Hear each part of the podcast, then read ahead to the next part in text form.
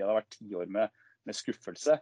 Men Hvis du begynner å se på en del av noen, noen selskaper nå da, som har klart å skape liksom, jevnt over gode aksjonærverdier de siste tre, fire, fem årene, der kommer du nok til å se at de som også da har tar ESG seriøst og viser at de har en plan med, med hvordan de skal på en måte håndtere reguleringen fra 2023, de, de vil nok bli foretrukket av, i hvert fall av seriøse investorer.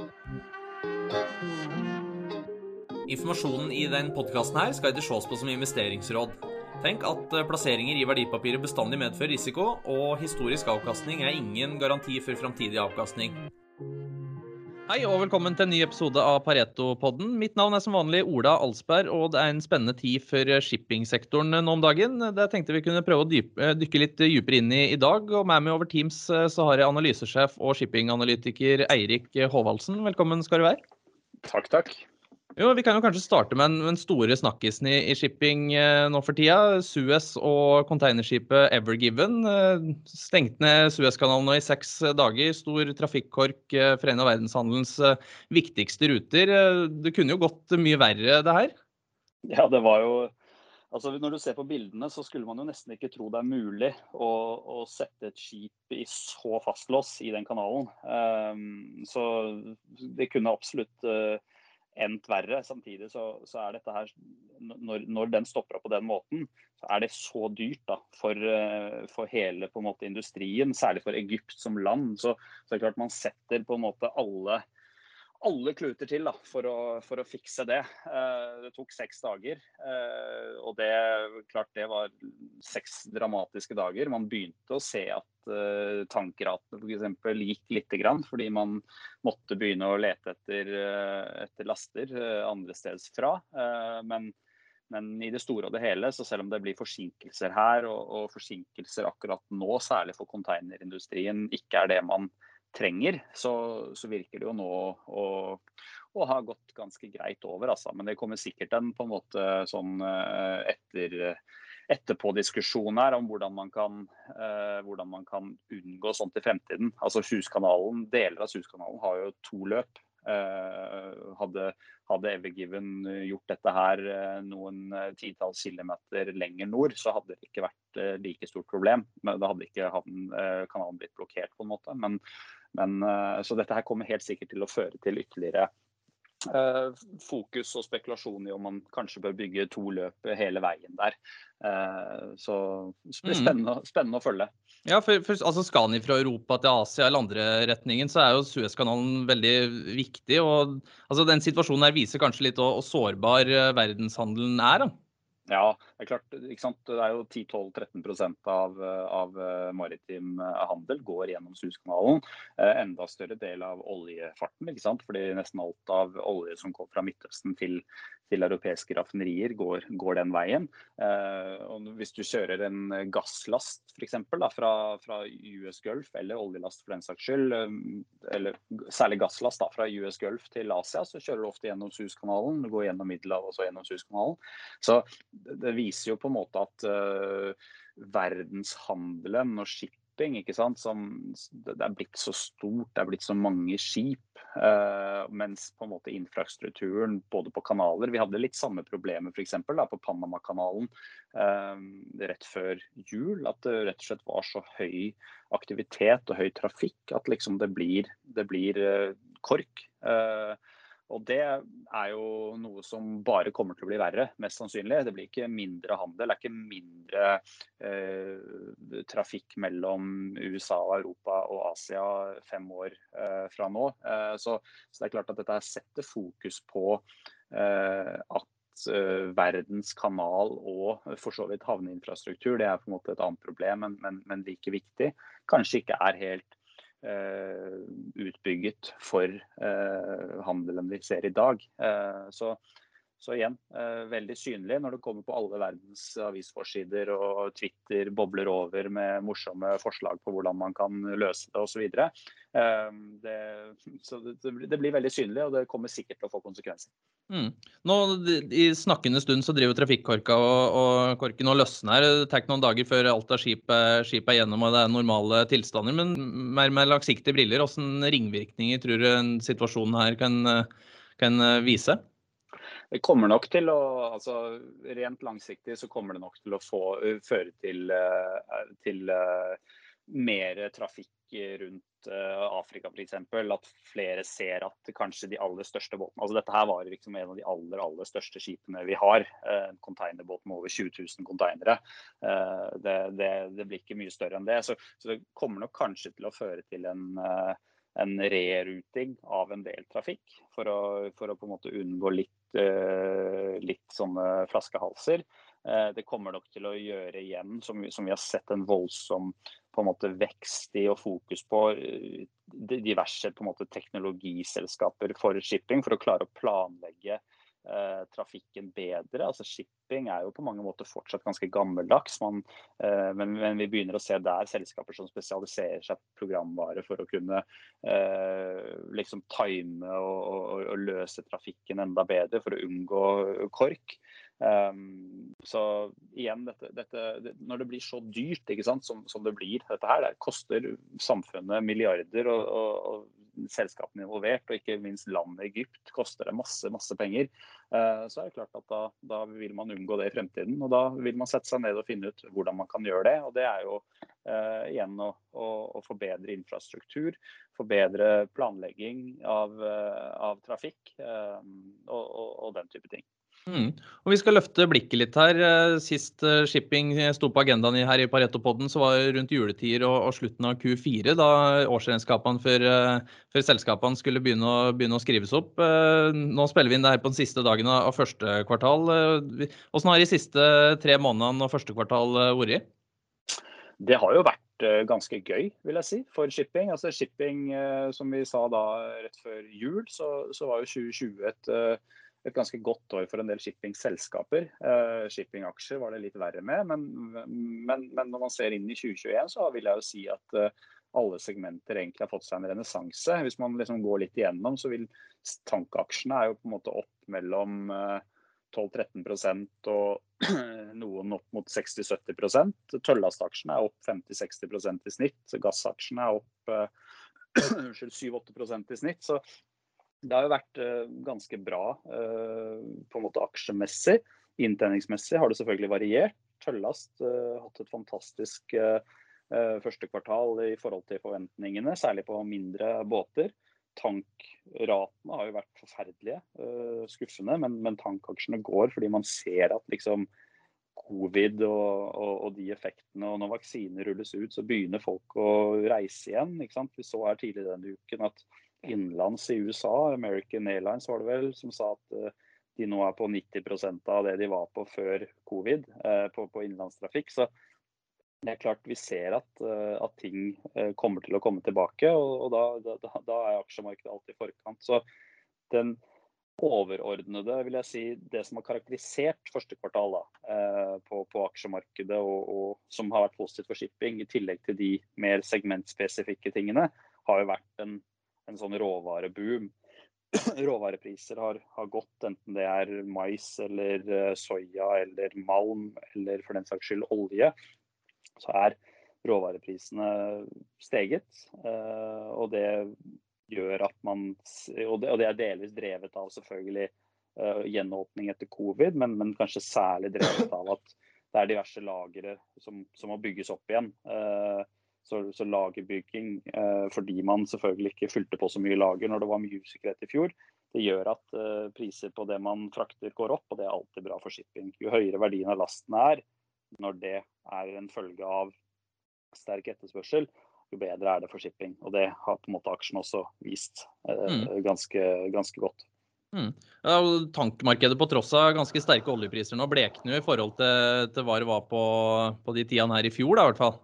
Ja, det er klart det. Altså, I fjor var jo eksepsjonelt. Da, da gikk jo på en måte, selv om du fikk et bortfall i underliggende oljeetterspørsel på 10-15 millioner fat, og, og, og, dertil et ganske stort bortfall i volumer fraktet på kjøl, så var det så mye behov for lagring fordi det ble overprodusert olje. Så, så du hadde et, et, et nivå der 10-15% av stortankskipene lå med lagringslast. Så det, er klart det gjorde at tankraten gikk i taket. Og så har du fått på en måte hangoveren etter det. da, Begynte slutten av tredje kvartal i fjor og, og varer fortsatt. Så det er klart, Første kvartal og andre kvartal i år og blir jo ikke noe i nærheten av hva det var i fjor, som, som var rekordnivåer. Det som allikevel er litt interessant å se på nå, er jo særlig ratene på mindre produkttankskip, og for så vidt større produkttankskip, men, men særlig produkttank da, gjør det jo vesentlig bedre. Det som gjør det verst nå, det er VLCC. Så du tjener mer på en liten produktbåt enn en, en stor VLCC som koster tre ganger så mye.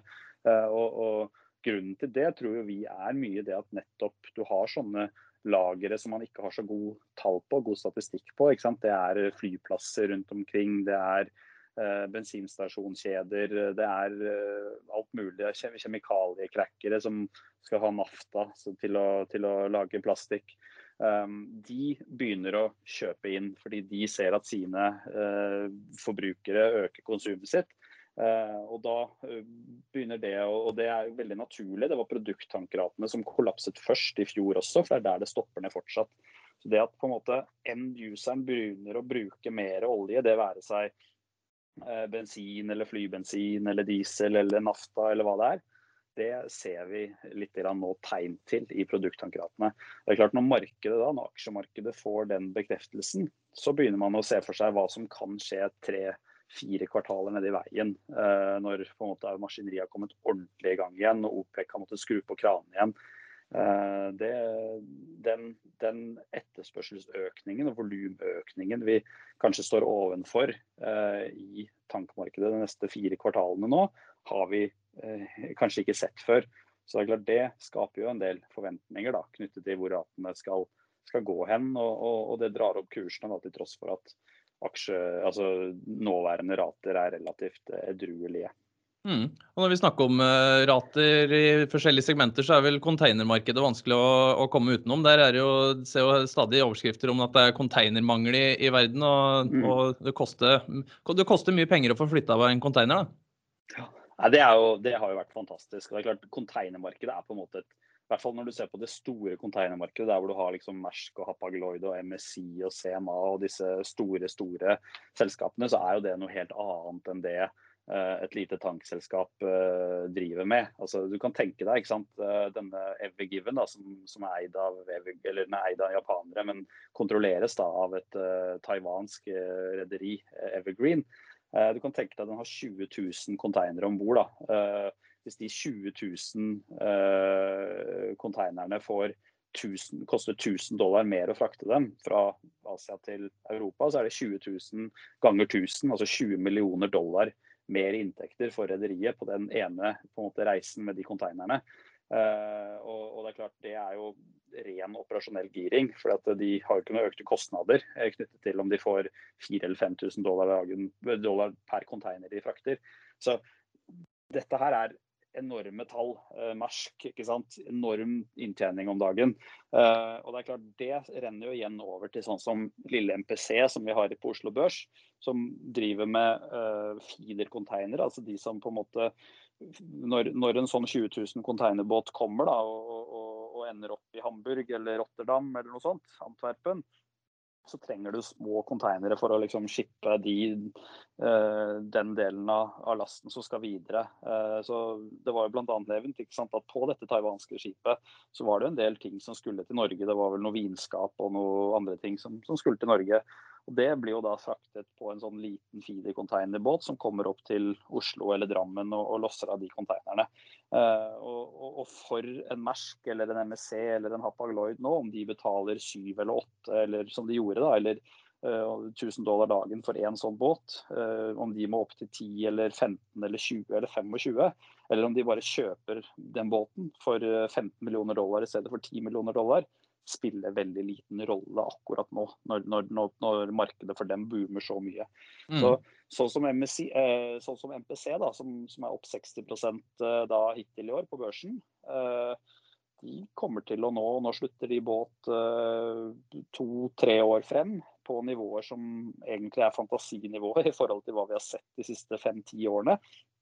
Eh, det er en ganske spennende case fortsatt, altså, selv, om, selv, om, det har gått. Fordi du, du, er på en måte en så liten del av den totale verdikjeden. Uh, at, at uh, mens for deg, selvfølgelig, for, for MPC, eh, så begynner det å slå 2000-3000 dollar dagen på, på par og 60 skip. Eh, ekstra. Og når det ikke er 2000-3000 dollar dagen lenger ekstra, men det er 5 10 15 000 dollar dagen ekstra i forhold til hva du hadde og, og hva som er din break even, så begynner du å sprute, sprute cash altså, ut, av, ut av den lille sjappa.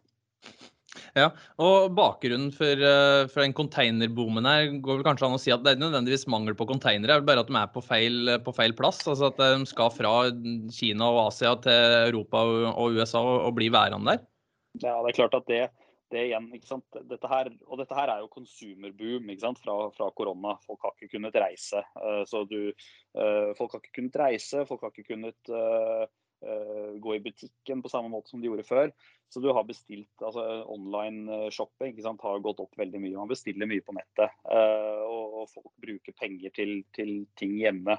Og, og, I stedet for å gå ut på restaurant og sånn. Det, har, det, forbruket der er jo det som har gjort det. og klart Vi vet jo at uh, Asia og Sørøst-Asia og Kina er på en måte verdens uh, manufacturing hub. Så det er klart når alle bestiller seg et webkamera eller en uh, ekstra PC-skjerm eller en ekstra vaskemaskin eller vinskap eller hva det nå enn er, så kommer veldig mye av det fra Asia. og Da kommer de konteinerne over. og så er det problemer med å få nok tilbake. Nå, nå kommer det nok, eh, nå begynner man jo altså, å produsere fysiske konteinere. Det kommer. Uh, så, så, det problemet kommer nok til å gå over uh, snart. Men, men, det at du ikke har nok båt, og at båtene er fulle, det problemet kan jo vare litt lenger. da. Selv om det er klart at man skal være var på uh, hva som kommer til å skje. Jeg vet ikke, Olav, om du kommer til å bestille like mye på nettet når du på en måte kan gå ut og ta deg en øl eller, eller spise på restaurant, eller til og med reise til uh, Gran Canaria. Uh, mm. da, det, det, kan jo på en måte gå litt utover det, det konsumet man har sett. Samtidig som selvfølgelig har også korona uh, ført til en del sånn strukturelle endringer da, i, i handelsmønstre og varemønstre og konsummønstre. og ikke minst så har man fått utviklet forsyningskjeder og logistikken Eh, en del, og, der kommer det til å gjøres fortsatt investeringer. Så det er klart at uh, netthandel kommer nok til å bare øke uh, i, i, i, omfang fremover. Mm. Netthandel var jo en ting som økte veldig i fjor. En annen ting var ESG og det, fokuset på grønne på, på bærekraft og, og, at selskaper skulle, være, skulle redusere klimautslipp. Hvordan er det utviklinga der har vært innenfor shipping? Nei, Det er jo et veldig viktig poeng. fordi det er klart at uh, shipping slipper ut en, en, stor del av verdens eh, karbonutslipp. ikke sant? Uh, shipping forbruker en uh, 8-9 av, av normalisert på en måte oljeetterspørsel. Så, så, det er klart det er, og, og shipping bruker mye av det skitneste oljeproduktet, heavy fuel oil, for, for konsum. så det er klart det er både på svovel og, og, og da karbonutslipp, så, så er det eh, viktig å, å, få bukt med. Eh, og, der er det veldig mye fokus. Eh, men det er veldig mye usikkerhet også. Folk har ikke helt liksom funnet ut av hva som er morgendagens eh, skip. Det bestilles eh, LNG-drevne skip, det bestilles LPG-drevne skip, det bestilles metanoldrevne skip. Eh, ammoniakk er et tema hydrogen kan, kan, kanskje på veldig korte eller kortere måte distanser, for det krever veldig mye tankkapasitet da, til, til, bare drivstoff. Mm. Så, du vil aldri se en VL med, med, hydrogen, for da vil du trenge på en måte en ekstra VL ved siden av til å, til å ha hydrogenen. Så, så, det funker ikke. Men, men, men det er klart, det, det, at når du spør meg, eh, og når jeg spør shippingselskaper, det er ingen som helt vet. Det er det som er poenget, at det er så mye usikkerhet. Det vi vet, er at fra 2023 så kommer det en ny regulering i kraft som kommer til å pålegge eh, alle egentlig å, å, å, redusere karbonutslippet på, på, eh, per på måte tonn last fraktet. Eh, og det kan man gjøre på flere måter. Man kan gjøre det ved å da bruke renere drivstoff. Man kan gjøre det ved å øh, installere ting om bord som, som, på en måte kanskje gjør, litt mer, gjør skipet mer effektivt kanskje mest på en måte nærliggende å tenke seg, i hvert fall i første omgang, vil jo være at man må kjøre litt saktere. I hvert fall den delen av flåten som er gammel. Uh, som igjen selvfølgelig er kjempepositivt for, for shipping. Da, hvis, hvis, gamle skip må, må, kjøre en del saktere for å slippe ut mindre drivstoff. Uh, så, så, vil jo det redusere kapasitet generelt. Men, men grønn, grønt fokus er der absolutt. Uh, men det er fortsatt mye usikkerhet, er vel egentlig det man sier. Og det ha positiv implikasjon akkurat nå. fordi at um, egentlig med unntak av veldig store containerbåter, så, så, har det blitt bestilt ganske lite i år. altså Det er noen VL-bestillinger her, det er noen VLGC-bestillinger der. Men, men, det er liksom ikke det, det volumet som man kanskje kunne fryktet da, når man, når man ser to-tre år frem og vet at en del gammelt må, må nødvendigvis erstattes. Så, mm.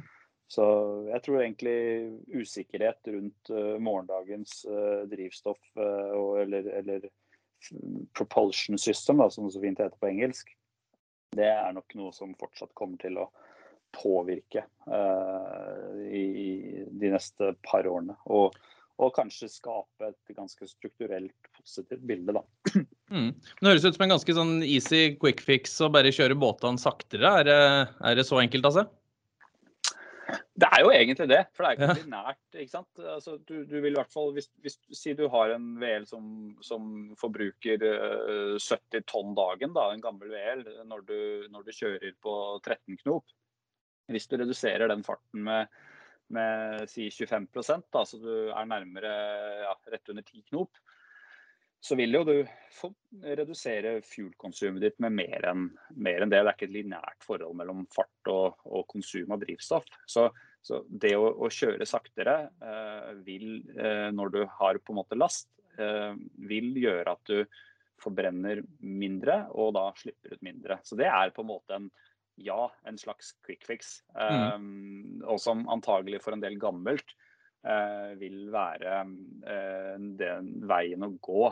Uh, det vil jo gjøre at nye skip, da, veldig effektive skip, så hvis du har en VL som i stedet for å konsumere 70 tonn, heller konsumere 50 tonn, så, så, vil jo du ha mye å gå på. Da kan du kjøre fortere og få mer betalt, egentlig, for du gjør jobben kjappere. Så vi tror jo det er noe som vi kommer til å bruke NID på som analytikere, i hvert fall. Eh, og se på hvilke selskaper som på en måte kan eh, få en skikkelig premieinntjening. Da. I, på Oslo Børs så har du jo sånn som Okeanis og Hunter som har helt nye skip. Eh, Frontline har egentlig ganske mye nye skip eh, der ute som, som vil Eh, f.eks. tjene mer enn en, en et selskap med, med, kun gamle skip. Eh, ja. Det, det, er klart, det, det, blir viktig. Får de her litt grønnere shippingaksjer mer goodwill fra investorer òg, merker du? Jeg føler ikke det helt ennå. Eh, og det er klart det er jo på en måte noe man ikke bryr seg om så mye i shipping ennå. Folk ser ikke nødvendigvis på mye av shipping som på en måte langsiktig verdiskapende industri. Det har jeg forståelse for, fordi det har vært ti år med, med, skuffelse. Men hvis du begynner å se på en del av noen, noen selskaper nå da, som har klart å skape liksom, jevnt over gode aksjonærverdier de siste tre, fire, fem årene, um, der kommer du nok til å se at de som også da har tar ESG seriøst og viser at de har en plan med, med hvordan de skal på en måte håndtere reguleringen fra 2023, Eh, det, de, de, vil nok bli foretrukket av, hvert fall av seriøse investorer. Men det er nok kanskje litt tidlig ennå. Vi tror jo, vi tror jo den reguleringen fra 1.1.2023, som vi må komme tilbake til i en senere pod, for det er superinteressant å snakke om, eh, vi tror det kommer til å få like mye fokus som IMO 2020 fikk. Uh, og IMO 2020 var jo det alle snakket om i, hvert fall eh, andre halvdel 2018 og hele 2019. Og det gjorde at uh, tankaksjene gikk, gikk, massivt, ikke sant? kjempepositivt. Og så ble IMO 2020 litt ødelagt av covid, men, men det er der absolutt igjen i dag. Det er sånn at skip med, nye skip med skrøbbere nå tjener atskillig bedre enn gamle skip uten skrøbbere. Så så det, er klart det, og, og, men, men, vi tror da at denne reguleringen som kommer fra 1.1.2023, det kommer til å bli et slags nytt IMO 2020 i aksjemarkedet. Eh, og kanskje særlig på tanksiden, som er de skipene som på en måte forbrenner mest og, og har kanskje skitnes last. Da. Så der det også er viktigst for befrakterne å passe på at man har ordentlig utstyr. Mm. Du nevnte jo Hunter og, og Okeanis her. og Hvilke andre selskaper er det som le, eh, leder an på den grønne fronten? Nei, altså Igjen på den grønne fronten så, så, er det på en måte to måter. ikke sant? Det er enten å ha da den nyeste og beste flåten, uh, som, som, er én måte å gjøre det på. Der er jo Hunter Okeanis uh, liksom foregangsfolk Uh, innenfor foregangsselskaper innenfor tank. Og så har du på Tøllas så har du sånn som 2020 Bulkers, som har en fantastisk ren flåte av nye, nye store bulkbåter. Så de er på en måte ledende der. Golden Ocean gjorde et stort oppkjøp av tilsvarende nye ekobåter nå, med skrøbbere for å, for å fornye og forbedre sin flåte. Ser du på Ser du på liksom hvem som kanskje av, av, av selskapene som, som, gjør noe sånn eh, på en måte effektivt for å prøve å eh, minske karbonfotavtrykket sitt, så har du jo sånn som BVLPG, da, som, som, faktisk investerer en god del i eksisterende tonnasje. altså Ikke bare bestiller nye båter, men de, de tar de gamle båtene og, og, og installerer da LPG eh, propulsion på den, sånn at de kan kjøre båtene på propan og butan i stedet for å bruke diesel eller, eller fuel oil. Um, som koster en del, uh, men som har, to, har, et par positive effekter. Da, at, uh, at, du mest sannsynlig får billigere fuel, uh, fordi LPG er litt billigere enn en, en, en marine fuel oil i hvert fall er forventes å være det. At du forbrenner litt mindre, faktisk. Um, altså, så fuelen her er renere og billigere. Men, men, også at du selvfølgelig ikke bidrar til at ordreboken økes. Da. Så BVLPG er jo faktisk eh, kanskje det av de store eh, selskapene på Oslo Børs som, som faktisk eh, på en måte investerer i eksisterende flåte for å minske karbonfotavtrykket. Da. Eh, mm. så, sånn sett. For sektoren som helhet eh, går det vel knapt an å gjøre helt, eh, helt grønn. Det er vel heller et spørsmål om å gjøre det mindre, mindre brunt? Er jo akkurat det. ikke sant? Det er klart, altså det, er liksom, det, det, er jo litt sånn fåfengt debatt. da, skulle være, altså Shipping, ja, det har, det har skjedd lite. Det skjedde lite med, skip, med, med skipsdesign fra 1995 til 2013, da ekoskipene begynte å komme. Eh, men, men liksom prøv å eh, igjen da, ta det Ever Given-skipet som har 20 000 containere om bord. Uh, det er ikke noen annen måte å frakte den lasten. Altså, du kan dytte én og én container på et fly, og så fly det fra Asia til uh, Europa og se liksom, karbonfotavtrykket på det. Det er jo helt meningsløst. Så, så selvfølgelig shipping uh, bør og har et ansvar for å liksom uh, være så grønn og, og, bærekraftig som mulig. Men, men, men det, det, er nå ingen annen måte å gjøre det på enn, en ved å bruke skip. Så, så man skal liksom ikke være helt og, og, og kreve liksom at uh, båter skal tilbake til å være drevet av seil, ikke sant? Som, som, uh, som vi også for så vidt ser, uh, ja, ja. ser, ser investeringer i. Det, det, blir på en måte Jeg tror ikke løsningen på dette er å gå tilbake til 1850-tallet. ikke sant? Da, da er det, eller jeg tror, det, det, det, kan godt sikkert løse miljøproblemene våre, det. Men, men jeg tror ikke konsumenten er så gira på det. da. ESG og bærekraft er jo en sånn langsiktig trend der. og Alle sektorer har jo noen sånn eh, spesifikke trender, liksom landbasert de er inntog i oppdrett og selvkjørende biler eh, i transport. Hvordan sånn, sånne overordna langsiktige trender er vi ser, eller begynner å se eimen av i shipping nå? Nei, det, er klart at det å se mer enn tre år frem for, en, en, for meg er vanskelig i shipping. For det er, liksom, det er så langt frem i tid. Men, men igjen, overordnede trendene er jo ganske klare. Det er at uh, strukturelt sett så, så, så, er etterspørselen etter shipping fordi man har underinvestert i altså særlig råvareshipping. Da, så, så, er det klart at råvarepriser er på et atskillig høyere nivå nå.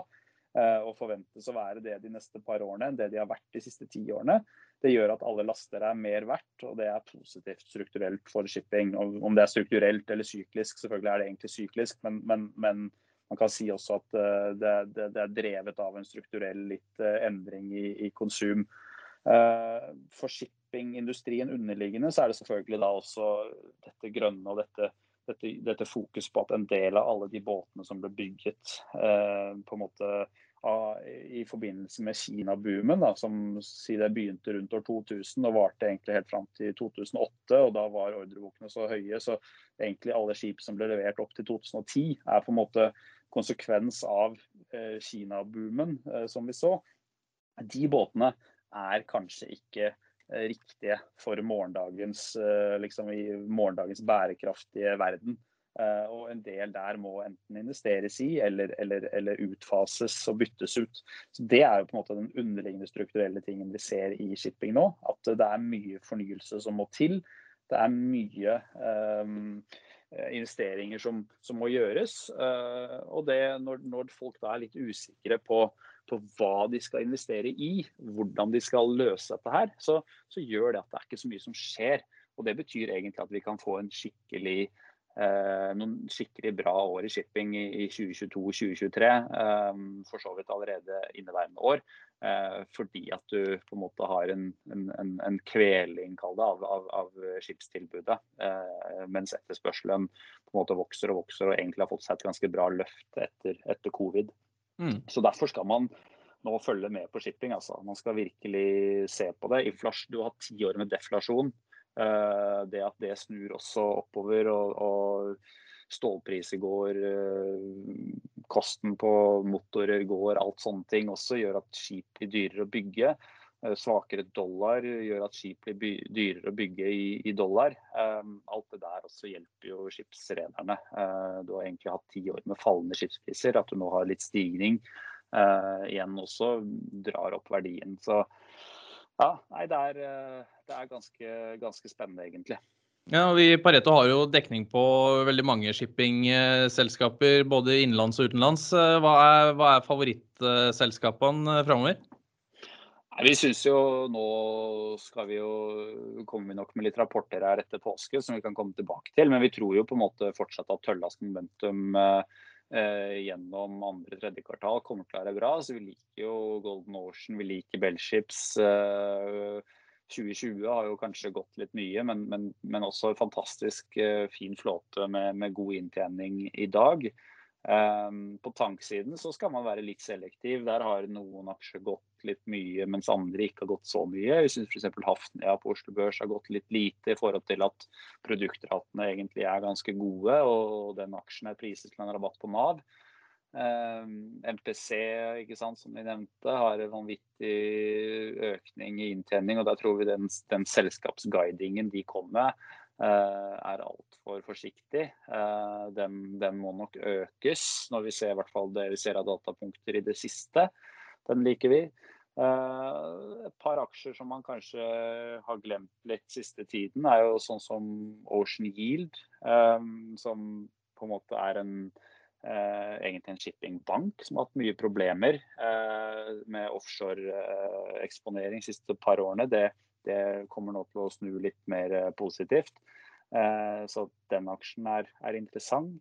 Um, så skal vi komme litt tilbake til f.eks. LPG-aksjene som, som, vi trodde man skulle ta en pust i bakken i. De har gått videre, og ratene kommer litt tilbake der også. Der er det også en del gode, eh, fine, fine aksjer å se på. Mm. På motsatt side, da, hva, hvor er en bør helle pengene sine unna? Nei, akkurat nå så, så syns vi med det det er klart, i det korte bildet så skal man kanskje være forsiktig med noen av disse tankaksjene som har gått veldig mye til tross for at ratene er svake. Uh, så det, det, på en måte setter deg litt opp for kanskje at uh, man, man, tar en pust i bakken i noen av de. Uh, men, men, ellers så, så synes, har vi egentlig oppgradert aksjer i det siste, ikke nedgradert. Så, så vi syns jo ting ting generelt, uh, gitt at dette råvaremomentumet holder seg, ser, ser ganske, ganske, bra ut. altså. Mm. Og, og, sektoren som helhet inn i 2021. Nå har vi jo vært innom mange sånn enkeltdeler som til sammen blir en hel. På, på, sikt så er, du, så er du bull? På sikt nå så altså det er klart å, å se mer enn 18 måneder frem i, i eller ett et til to år frem i, i shippingaksjer det er jo på en måte vanskelig. Men det er klart, det vi har nå, er eh, råvarepriser som er høyere enn de var. Vi har flåtevekt som er lavere enn den var, og vi har en på en måte strukturell eh, regulering fra 2023 som på en måte rasler litt i bakgrunnen, og som kommer til å øke i fokus. Så, så sånn sett så ser det, eh, ser det bra ut, og langsiktig kanskje aller mest spennende på, på tank, da. Eh, mm. Sånn som vi ser det. Ja visst. Vi må begynne å runde av for denne gang. Vi i Pareto dekker jo shipping tett, tilbyr handel i det meste som, som flyter og, og, som kan handles. Har daglig shippingrapporter og analysedekning på det er vel en 30-talls 30 shippingaksjer. Eh, må vel bare takke for en hyggelig prat, Erik, og, og god påske. Takk det samme. God påske. Hei, det her er Matilda Karlsson fra Pareto Securities i Stockholm. Vi har även en svensk podd och varje onsdag så kommer det ett nytt avsnitt där jag pratar med olika investerare och förvaltare. Så passa på att lära lite mer om den svenska aktiemarknaden och lyssna på Pareto Podcast i din podcastapp. Og så minner vi om at informasjonen i podkasten her ikke må ses på som investeringsråd. Eh, plasseringer i verdipapirer medfører til enhver tid risiko, og historisk avkastning er ingen garanti for framtidig avkastning.